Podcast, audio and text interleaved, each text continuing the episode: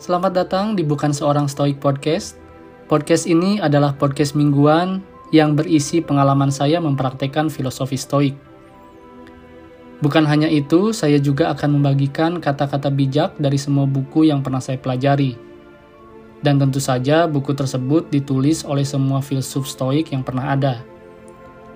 Kalau kamu suka dengan podcast ini, jangan lupa follow podcast ini supaya tidak ketinggalan setiap episode barunya. Dan jangan lupa follow Instagram saya di @bukanseorangstoik. Saya Heru Herlambang, selamat mendengarkan episode kali ini.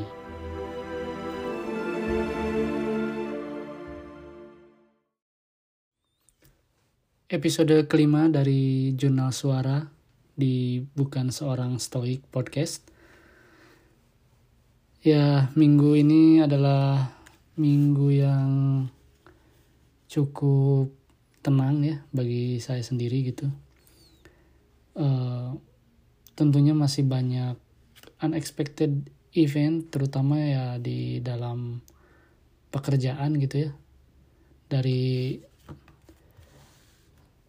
tamu, dari teman kerja, dari uh, sekitar pekerjaan lah pokoknya ya. Dan dari keluarga pun ada, cuman mungkin nanti saya ceritain ya. Uh,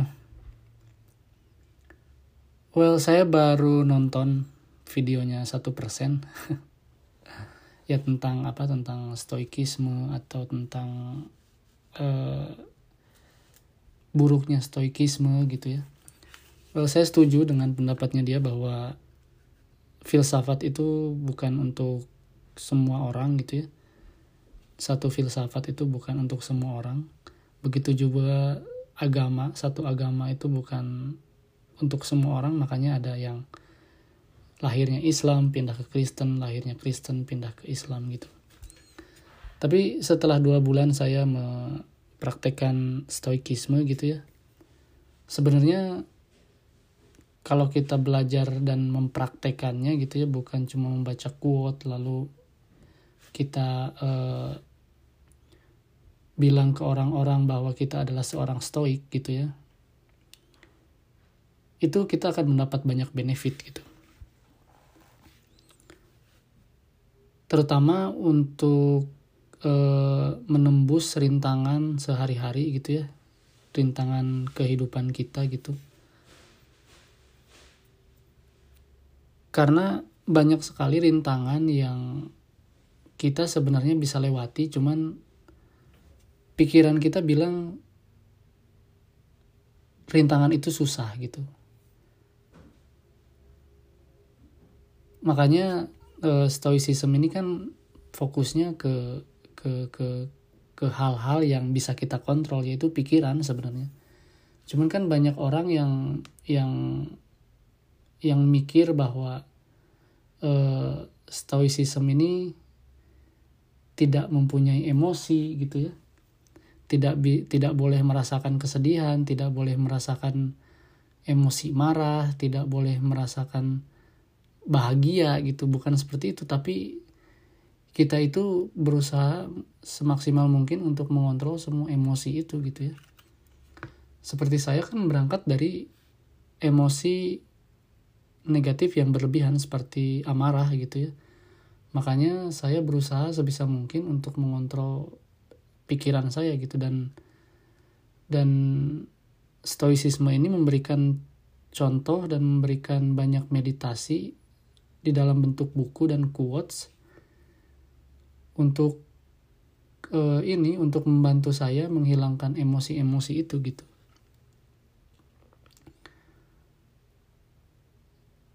Dan kebahagiaan yang diajarkan dalam stoicisme itu ya kebahagiaan atas diri kita gitu, bukan kebahagiaan atas apa yang ada di luar pikiran kita gitu seperti manusia, seperti uh, materi, karir, pekerjaan, ataupun apalah itu yang sifatnya dunia gitu ya. Yang saya tahu gitu ya, ketika kita bahagia akan sesuatu di luar pikiran kita, kita akan merasakan uh, adiksi kepada kebahagiaan itu. Ketika kita merasakan adiksi kepada kebahagiaan itu lalu kita tidak mendapatkan kebahagiaan itu lagi kita akan merasa cemas dan sedih dan marah gitu. Dan itu kan sebenarnya tidak baik gitu. Makanya stoicisme ini mengajarkan untuk tidak peduli akan kebahagiaan yang semu gitu ya kayak materi kita tidak perlu mengejarnya mati-matian gitu sampai mengorbankan keluarga, mengorbankan virtue yang stoicisme kenal gitu ya. Kayak kita kerja boleh kerja, cuman kerja dengan etika yang yang ada gitu. Tidak boleh sikut-sikutan, tidak boleh bermain politik yang berlebihan begitu ya. Dan banyak sekali kegunaan stoicisme ini sebenarnya dalam kehidupan milenial seperti ini gitu ya. Contohnya eh, bagi saya sendiri itu ya melihat dunia itu dengan secara jelas gitu ya.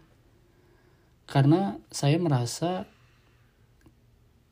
ketika saya hilang kehilangan sesuatu saya tuh merasa bertanya kenapa? gitu. Why?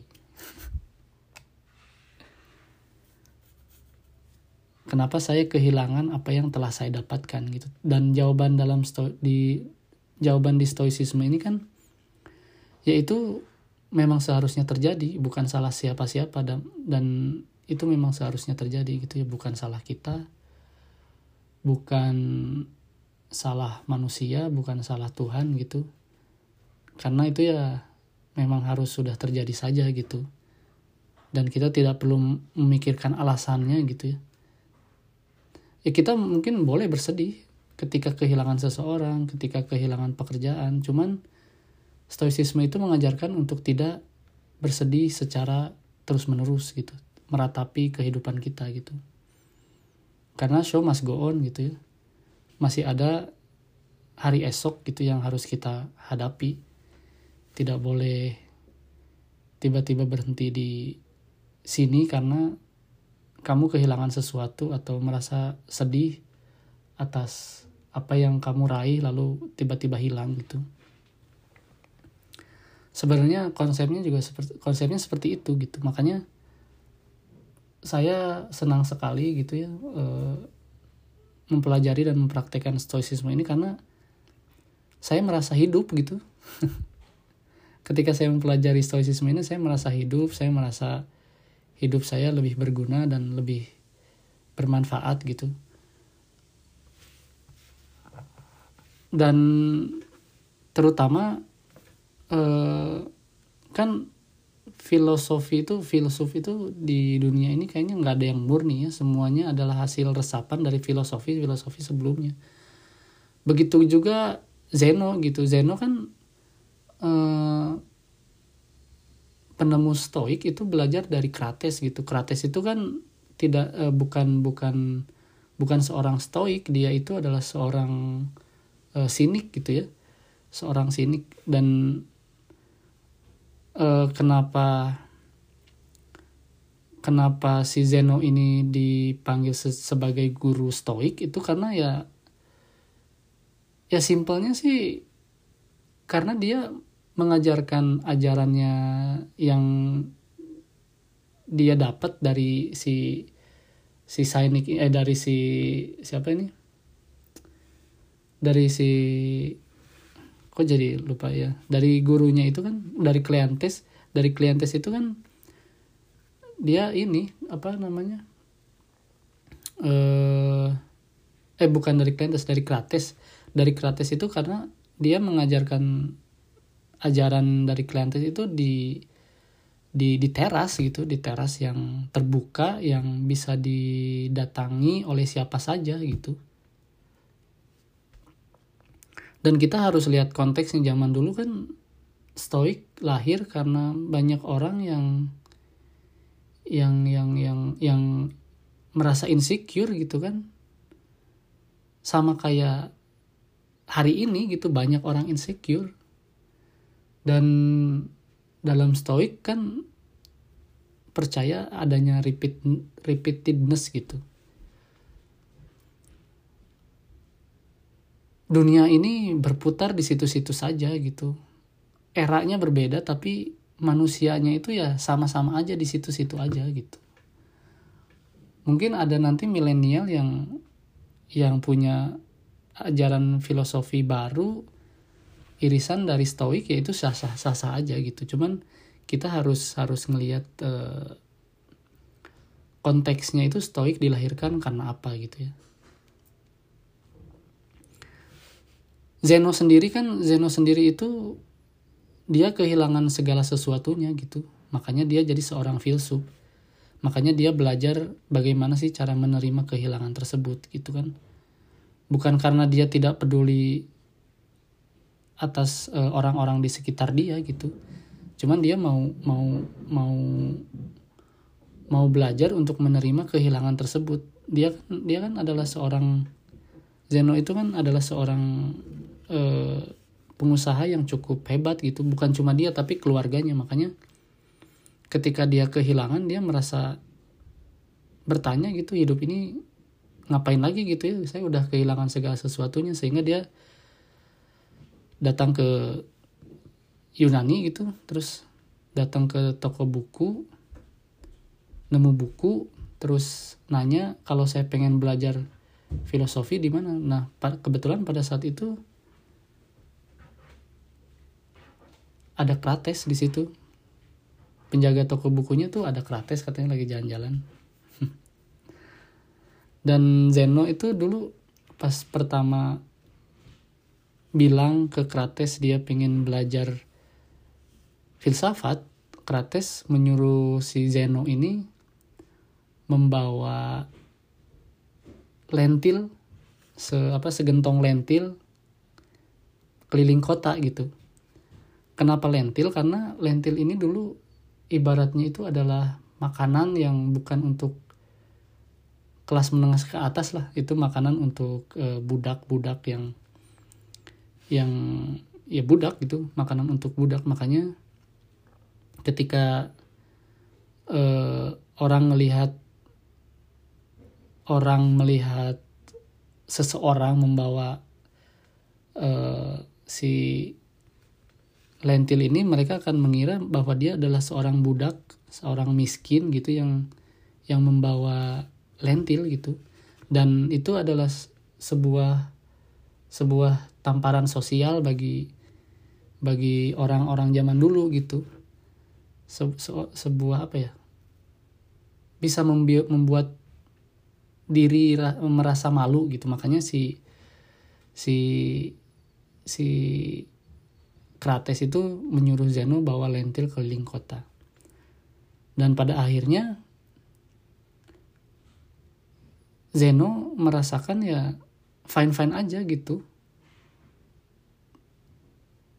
Ternyata material itu tidak ada artinya sama sekali buat buat dirinya gitu. Maksudnya ya dia bisa menerima menerima kehilangan dia gitu untuk menjadi seorang yang tidak punya apa-apa gitu dan apa namanya e, istilahnya kalau zaman sekarang itu berdamai gitu ya. Berdamai dengan keadaan gitu. Ya sama-sama aja sebenarnya. Istilahnya tuh be, yang yang beda doang gitu. Makanya di stoicisme ini diseimbangkan dengan harusnya kita mengerjakan empat virtues tadi itu ya yang pernah saya bilang wisdom, justice, temperance, and courage gitu. Jadi segala sesuatu yang kita lakukan itu ya harus berdasarkan itu gitu. Misalkan kita seorang filsuf, kita seorang stoik, ketika kita mendengar teman yang kehilangan ya bukan berarti kita bodoh amat gitu ya kita harus merasakan juga apa yang dia rasakan kan harus harus harus harus harus harus apa justice gitu harus merasa merasakan keadilan gitu. Harus kita harus adil dengan dengan apa yang dia rasakan. Makanya kita harus mengucapkan bela sungkawa membantu apa yang bisa dibantu gitu kan. Tetapi ketika kita melihat teman kita marah dan misalkan berantem gitu di tengah jalan tapi kita juga eh, kita bu kita tidak boleh ikut kepada kemarahan itu kita harus harus melakukan temperance tadi gitu apa menahan diri. Karena emosi amarah itu treatnya beda dengan emosi kesedihan gitu. Lalu dalam stoik juga dibutuhkan courage ya dibutuhkan keberanian gitu. Keberanian atas apa? Ya keberanian atas menerima keadaan menerima takdir gitu. Salah satunya itu. Ketika kita tidak bisa menerima takdir ya kita kalah dalam hidup. Dan courage juga keberanian juga bisa diartikan berani untuk memulai sesuatu gitu ya. Ketika saya belajar stoicisme ya harus berani untuk memulai apa yang diajarkan gitu. Ketika yang diajarkan itu tidak tidak membawa kepuasan atau kebahagiaan ya sudah tinggalkan gitu. Tapi yang saya rasakan itu berbeda ya. Yang saya rasakan saya merasa lebih damai gitu merasa lebih tenang merasa lebih bisa berbuat apa yang terbaik gitu dan wisdom gitu. Wisdom ini bukan wisdom untuk orang lain sebenarnya. Wisdom untuk untuk diri kita sendiri gitu. Kita belajar filosofi gitu belajar uh, ya belajar filosofi bukan untuk orang lain ya untuk diri kita sendiri gitu. Untuk mengingatkan bahwa hal ini tuh buruk hal ini tuh jelek untuk dilakukan hal ini tuh baik untuk dilakukan hal kamu harus berani untuk melakukan ini gitu jadi wisdom ini bukan bukan bukan untuk mengajarkan semua orang gitu bukan. Bukan. Dan kalau kamu baca meditationnya Marcus Aurelius ya Marcus Aurelius itu menulis buku bukan untuk orang lain, bukan. Untuk dirinya sendiri. Makanya kenapa saya suka uh, filosofi ini gitu ya. Karena filosofi ini tuh bukan untuk orang lain, bukan. Kita tuh belajar bukan untuk mengajarkan orang lain, bukan untuk ngejudge orang lain, bukan untuk memperbaiki orang lain, tapi memperbaiki diri kita sendiri. Itu yang saya suka dari stoicisme gitu setelah dua bulan saya mempraktekkan ya bukan saya bukan untuk bukan saya bukan hanya mempelajari membaca kata-kata manis dari filsuf stoik gitu tapi saya juga mempraktekannya gitu bayangkan seorang kaisar seperti Marcus Aurelius ya kalau dia tidak punya tidak menemukan buku yang ditulis oleh Epictetus, dia tidak akan menjadi kaisar yang seperti kita kenal sekarang gitu. Marcus Aurelius itu bukan keturunan kaisar, dia itu adopsi, anak adopsi dari Hadrian ya. Hadrian itu tidak memiliki anak, lalu dia mengadopsi uh, Marcus Aurelius dengan uh, saudara tiri yang lainnya gitu. Saya lupa namanya siapa. Cuman ketika Hadrian siap untuk turun dari jabatannya Marcus Aurelius itu masih muda sekali umur 16 tahun. Makanya Hadrian berpikir bahwa Marcus Aurelius belum siap karena umurnya gitu ya. Makanya ketika Marcus eh, Hadrian siap turun dari kekaisarannya dia mengadopsi Antonius kalau nggak salah ya Antonius Pius kalau nggak salah yang berumur 50 tahun dengan harapan Antonius tidak akan menjabat terlalu lama gitu karena dia sudah tua.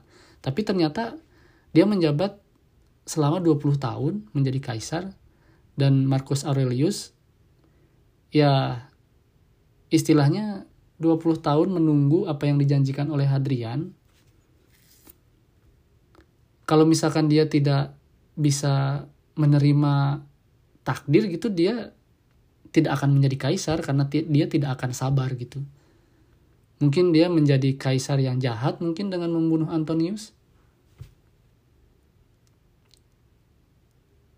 Tapi dia sudah menemukan stoicism ini dari umur 16 dan dia belajar dan dia mempraktekkan dan dia menerima takdir yang sudah digariskan bahwa dia harus menunggu selama 20 tahun untuk menjadi kaisar gitu. Sehingga ketika dia menjadi kaisar, dia itu sudah siap gitu ya. Dia itu sudah siap dan sudah matang. Kayak gitu dan ketika dia menjabat so menjadi kaisar tidak mudah jalannya tuh tidak mudah sama sekali gitu. Pertama, dia menjabat di tengah-tengah pandemi bertahun-tahun gitu ya. Bertahun-tahun. Bayangkan zaman dulu itu belum ada ambulan, belum ada rumah sakit, belum ada suster, belum ada dokter yang yang mumpuni kayak sekarang, belum ada obat.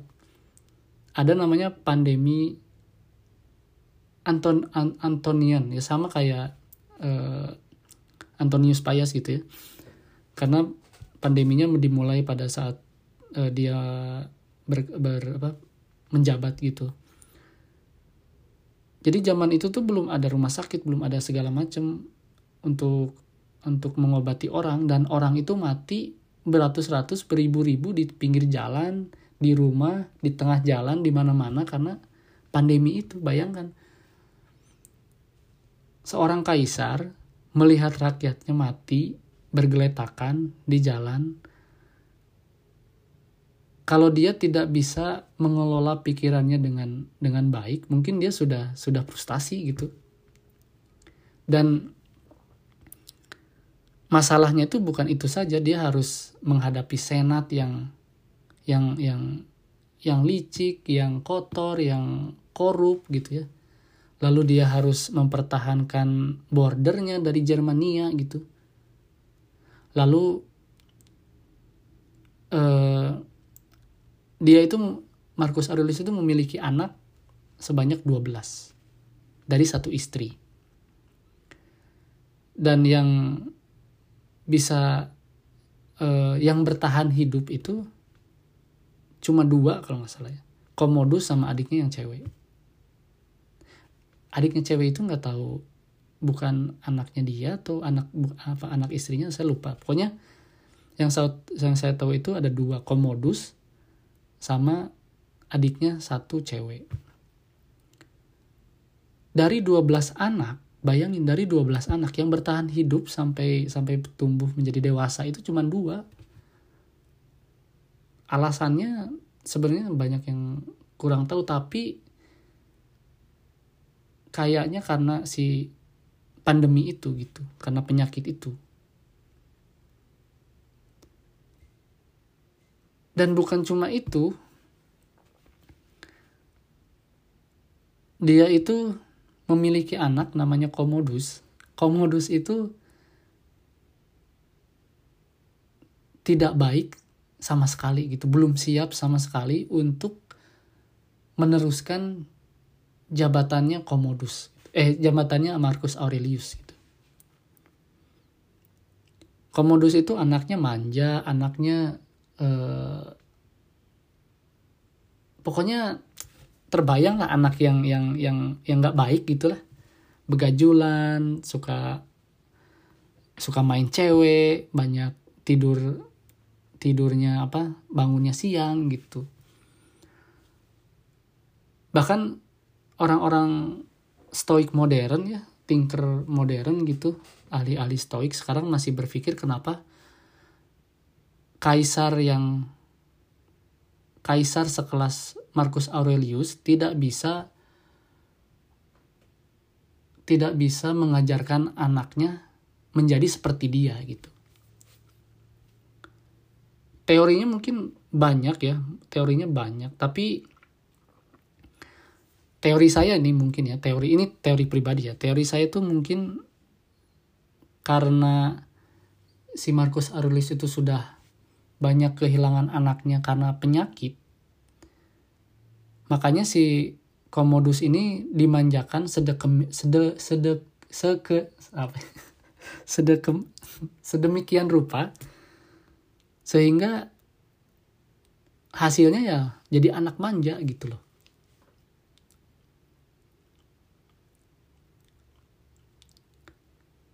Bayangkan sekelas Marcus Aurelius dia itu menjadi five good emperor ini karena stoik gitu loh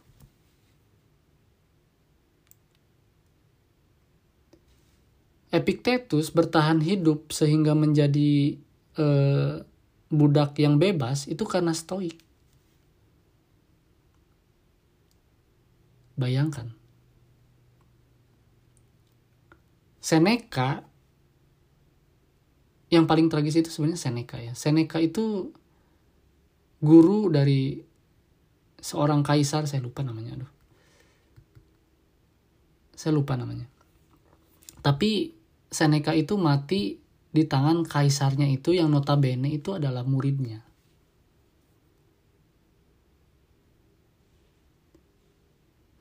Ya jadi seharusnya milenial itu kalau belajar gitu. Ya kamu gitu lah belajar itu jangan jangan setengah-tengah setengah-setengah gitu.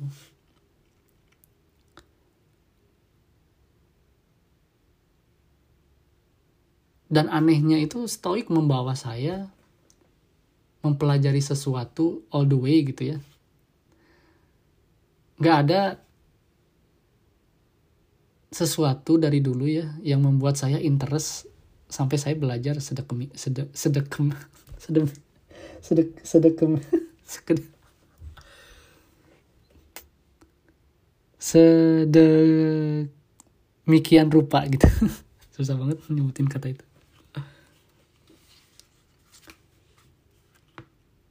Ya dan kita itu harus memilih guru gitu ya harus memilih guru yang tepat gitu di era modern ini ada satu seorang stoik yang dia me, me apa namanya memfokuskan hidupnya itu berkarir berkarya untuk stoik gitu dia membuat podcast, dia membuat Instagram, dia membuat semua media sosial tentang stoik. Dia menelurkan buku banyak sekali tentang stoik. Dan dia mempunyai YouTube juga namanya Rian Holiday. Rian Holiday ini adalah bisa dibilang seorang stoik modern gitu.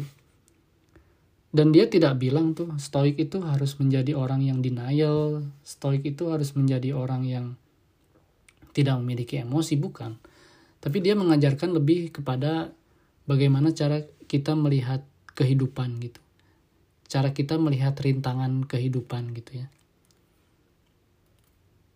dia melihat beberapa e, orang itu sebagai stoik karena menurut dia dan menurut pengertian saya stoik itu adalah sebenarnya adalah sifat yang yang manusia punya gitu yang manusia punya untuk menjadi lebih kuat sebenarnya. Cuman sifat itu tuh harus kita gali dan harus kita latih sebenarnya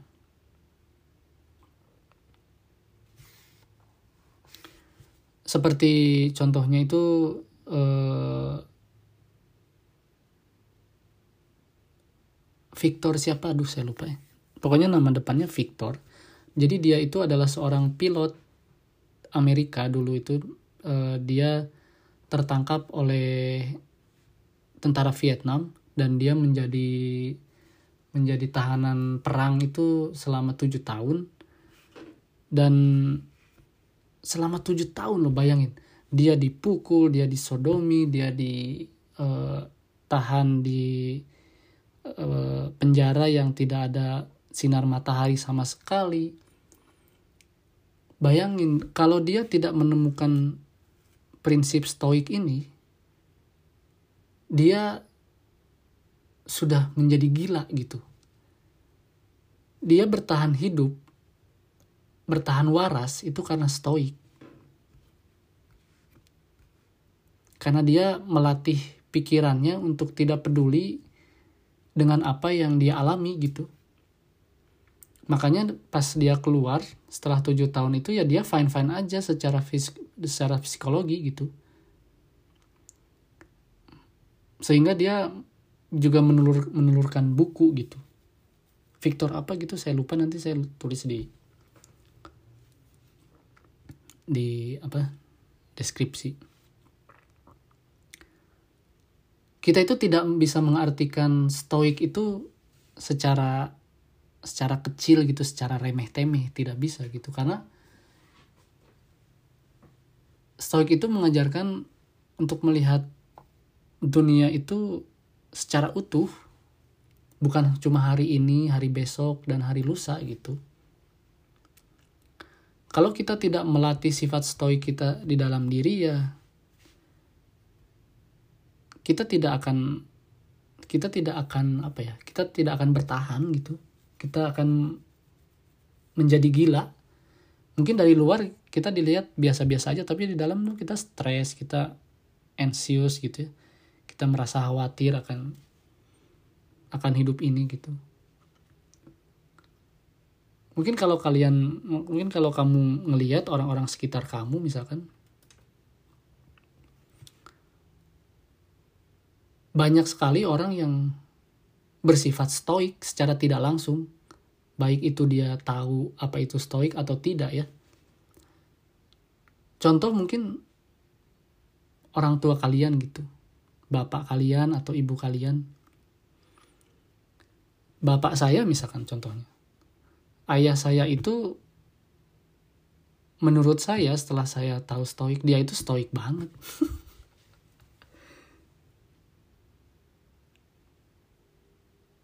dia itu stoik dan dia itu menerima apa yang ditakdirkan oleh Tuhan gitu. Dia itu dari saya sebelum lahir satu tahun sebelum lahir ya dia sudah bekerja di perusahaan negara PTPN 8 gitu sampai pensiun gitu. Dan dia tidak peduli apa yang orang bilang. Dan dia bisa bekerja dari awal dari bekerja di lapangan gitu memetik teh sampai pensiun itu posisi terakhirnya administrator menjadi manajer dan itu adalah sifat stoik. Dia tidak tidak tidak melihat rintangan apa yang di depan. Dia tidak mengenal apa itu follow your passion gitu ya.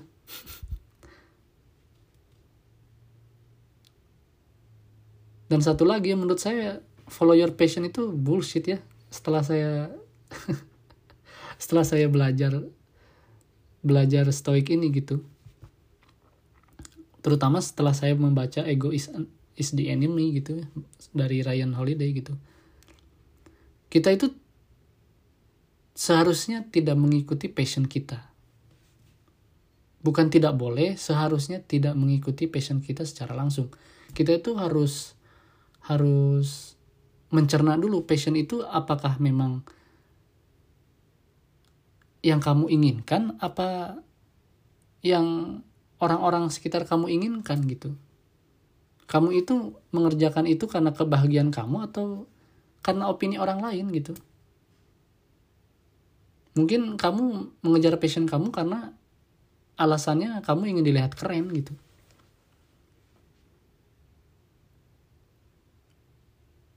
Dan saya terketuk kemarin setelah membaca Ego is the Enemy gitu ya.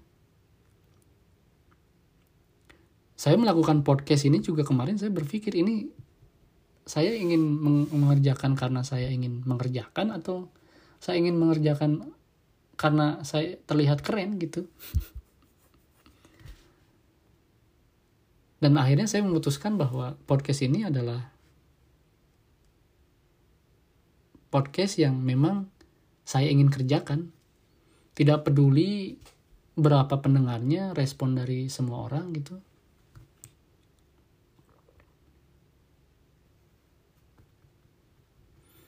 ya jadi segala sesuatunya itu harus dilihat dari konteks ya. Banyak orang yang menerima menerima apa ya? Menerima misalkan pacarnya pacarnya marah terus dia tidak ikut marah karena dia seorang stoik. Bukan bukan ya mungkin itu betul ya. Cuman tidak sekecil itu gitu stoik itu mempersiapkan diri kita untuk melatih diri kita untuk menghadapi tantangan dari yang kecil sampai yang besar gitu makanya saya melatih diri saya juga untuk menghadapi tantangan yang besar nanti gitu.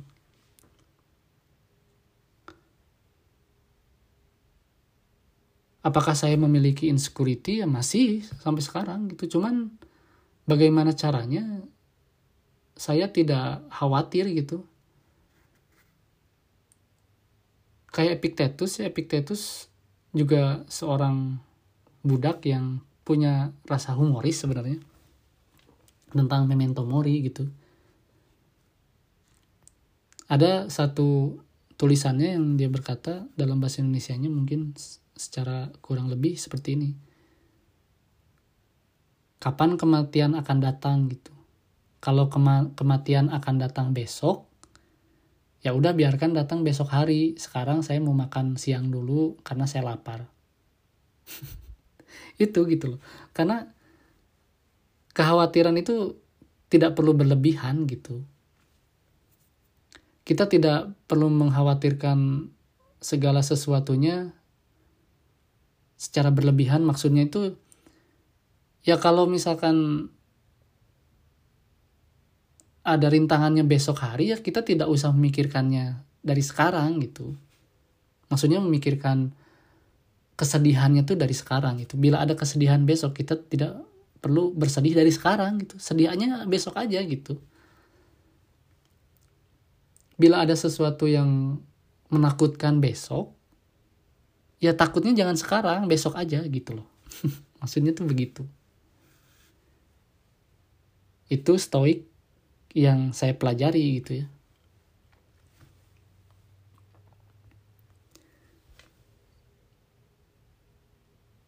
ya pada dasarnya filosofi itu adalah filo apa ajaran yang harus dipraktekkan gitu kalau kita hanya teori tidak bisa mempraktekannya kepada diri sendiri ya akan percuma saja karena semua stoik semua stoik terdahulu itu yang mempraktekannya gitu dan dia mempraktekannya ingat bukan untuk orang lain tapi untuk dirinya dia menulis jurnal untuk dirinya gitu. Epictetus menulis Enchiridion. Terus Seneca juga menulis, cuman saya lupa judulnya apa. Nanti saya cek dulu ya. Epictetus selain Enchiridion dia juga menulis dalam bukunya Discourses gitu ya. Terus ada Heraclitus dia juga menulis buku mana ya Seneca ya Seneca juga ada menulis banyak hal dia menulis di banyak hal gitu. Dia menulis di jurnal dia menulis surat untuk saudaranya gitu ya. Untuk sebagai pengingat gitu. Pengingat untuk dirinya lalu dia sampaikan ke orang lain. Bukan orang yang merasa dirinya adalah seorang stoik lalu mengajarkan orang untuk belajar stoik gitu.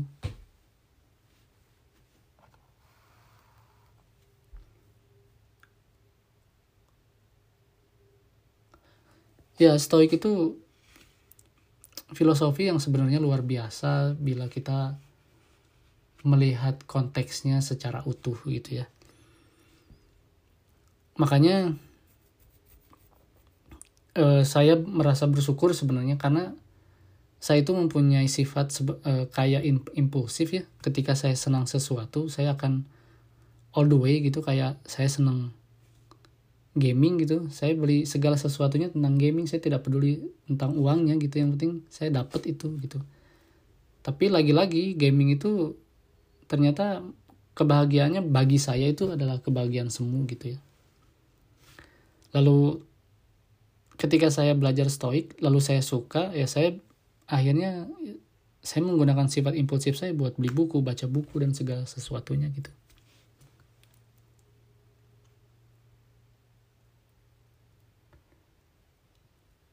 dan ya tentang kebahagiaan tadi ya di episode sebelumnya juga saya membahas tentang kebahagia itu adalah candu ya.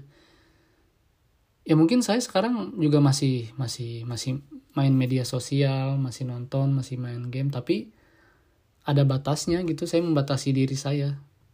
Saya membatasi diri saya agar saya tidak tidak ketergantungan oleh oleh kebahagiaan itu gitu.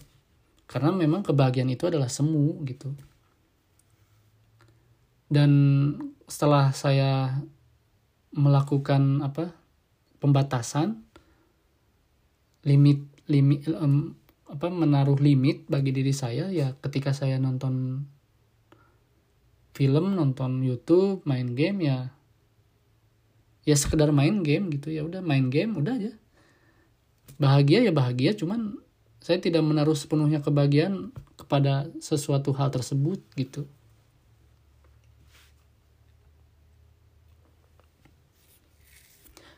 banyak lah yang yang yang saya pelajari gitu ya yang saya pelajari. Uh, jadi jangan apa ya jangan ya ini juga toxic media sosial sebenarnya. Dalam buku ego is the enemy juga ada bagian yang bilang talk talk talk gitu ya masalah manusia itu adalah berbicara lebih banyak daripada berbuat. Dalam bukunya Ryan Holiday ya. Jadi sebenarnya kalau kita lihat gitu ya, Facebook What's on your mind gitu. Kita suruh berbicara gitu ya. Ada Twitter kita suruh berbicara. Ada media sosial di apa di menyediakan kolom komen kita disuruh untuk berbicara gitu. Kita tidak disuruh untuk berbuat. Kita disuruh untuk beropini gitu. Cobalah jangan terlalu banyak beropini, jangan terlalu banyak berbicara, jangan terlalu banyak uh, bermain media sosial bukan berarti tidak boleh ya. Tergantung konteksnya juga gitu.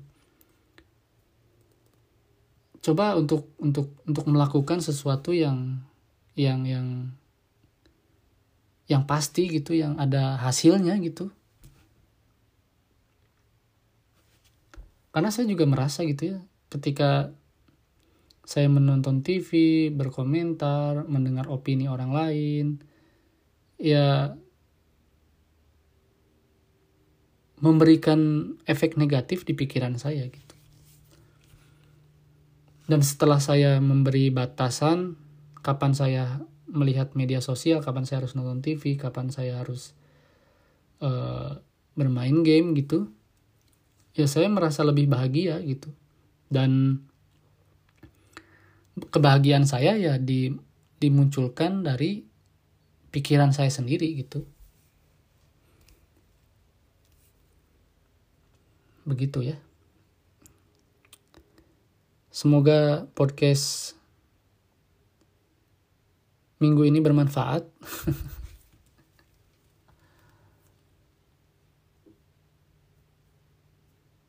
ya, jadi ya intinya sih saya setuju dengan dengan apa uh, yang disampaikan oleh YouTube satu persen ya ini bukan bukan bukan mengencounter ya. Saya soalnya mencari inspirasi juga apa yang harus saya bicarakan dalam podcast ini sebenarnya. Akhirnya saya dapat gitu apa yang saya bicarakan dan relate juga uh, atas pengalaman saya yang telah saya lakukan selama dua bulan gitu. Bahwa kita harus melihat segala sesuatu dengan konteks secara utuh gitu ya. Tadi saya sudah berbicara bagaimana stoicisme stoicisme di, ditemukan. Lalu sulitnya Marcus Aurelius menjadi seorang kaisar gitu ya. Ya semoga podcast ini episode ini bermanfaat. Uh, cukup sekian episode ini saya sampaikan. Dan terima kasih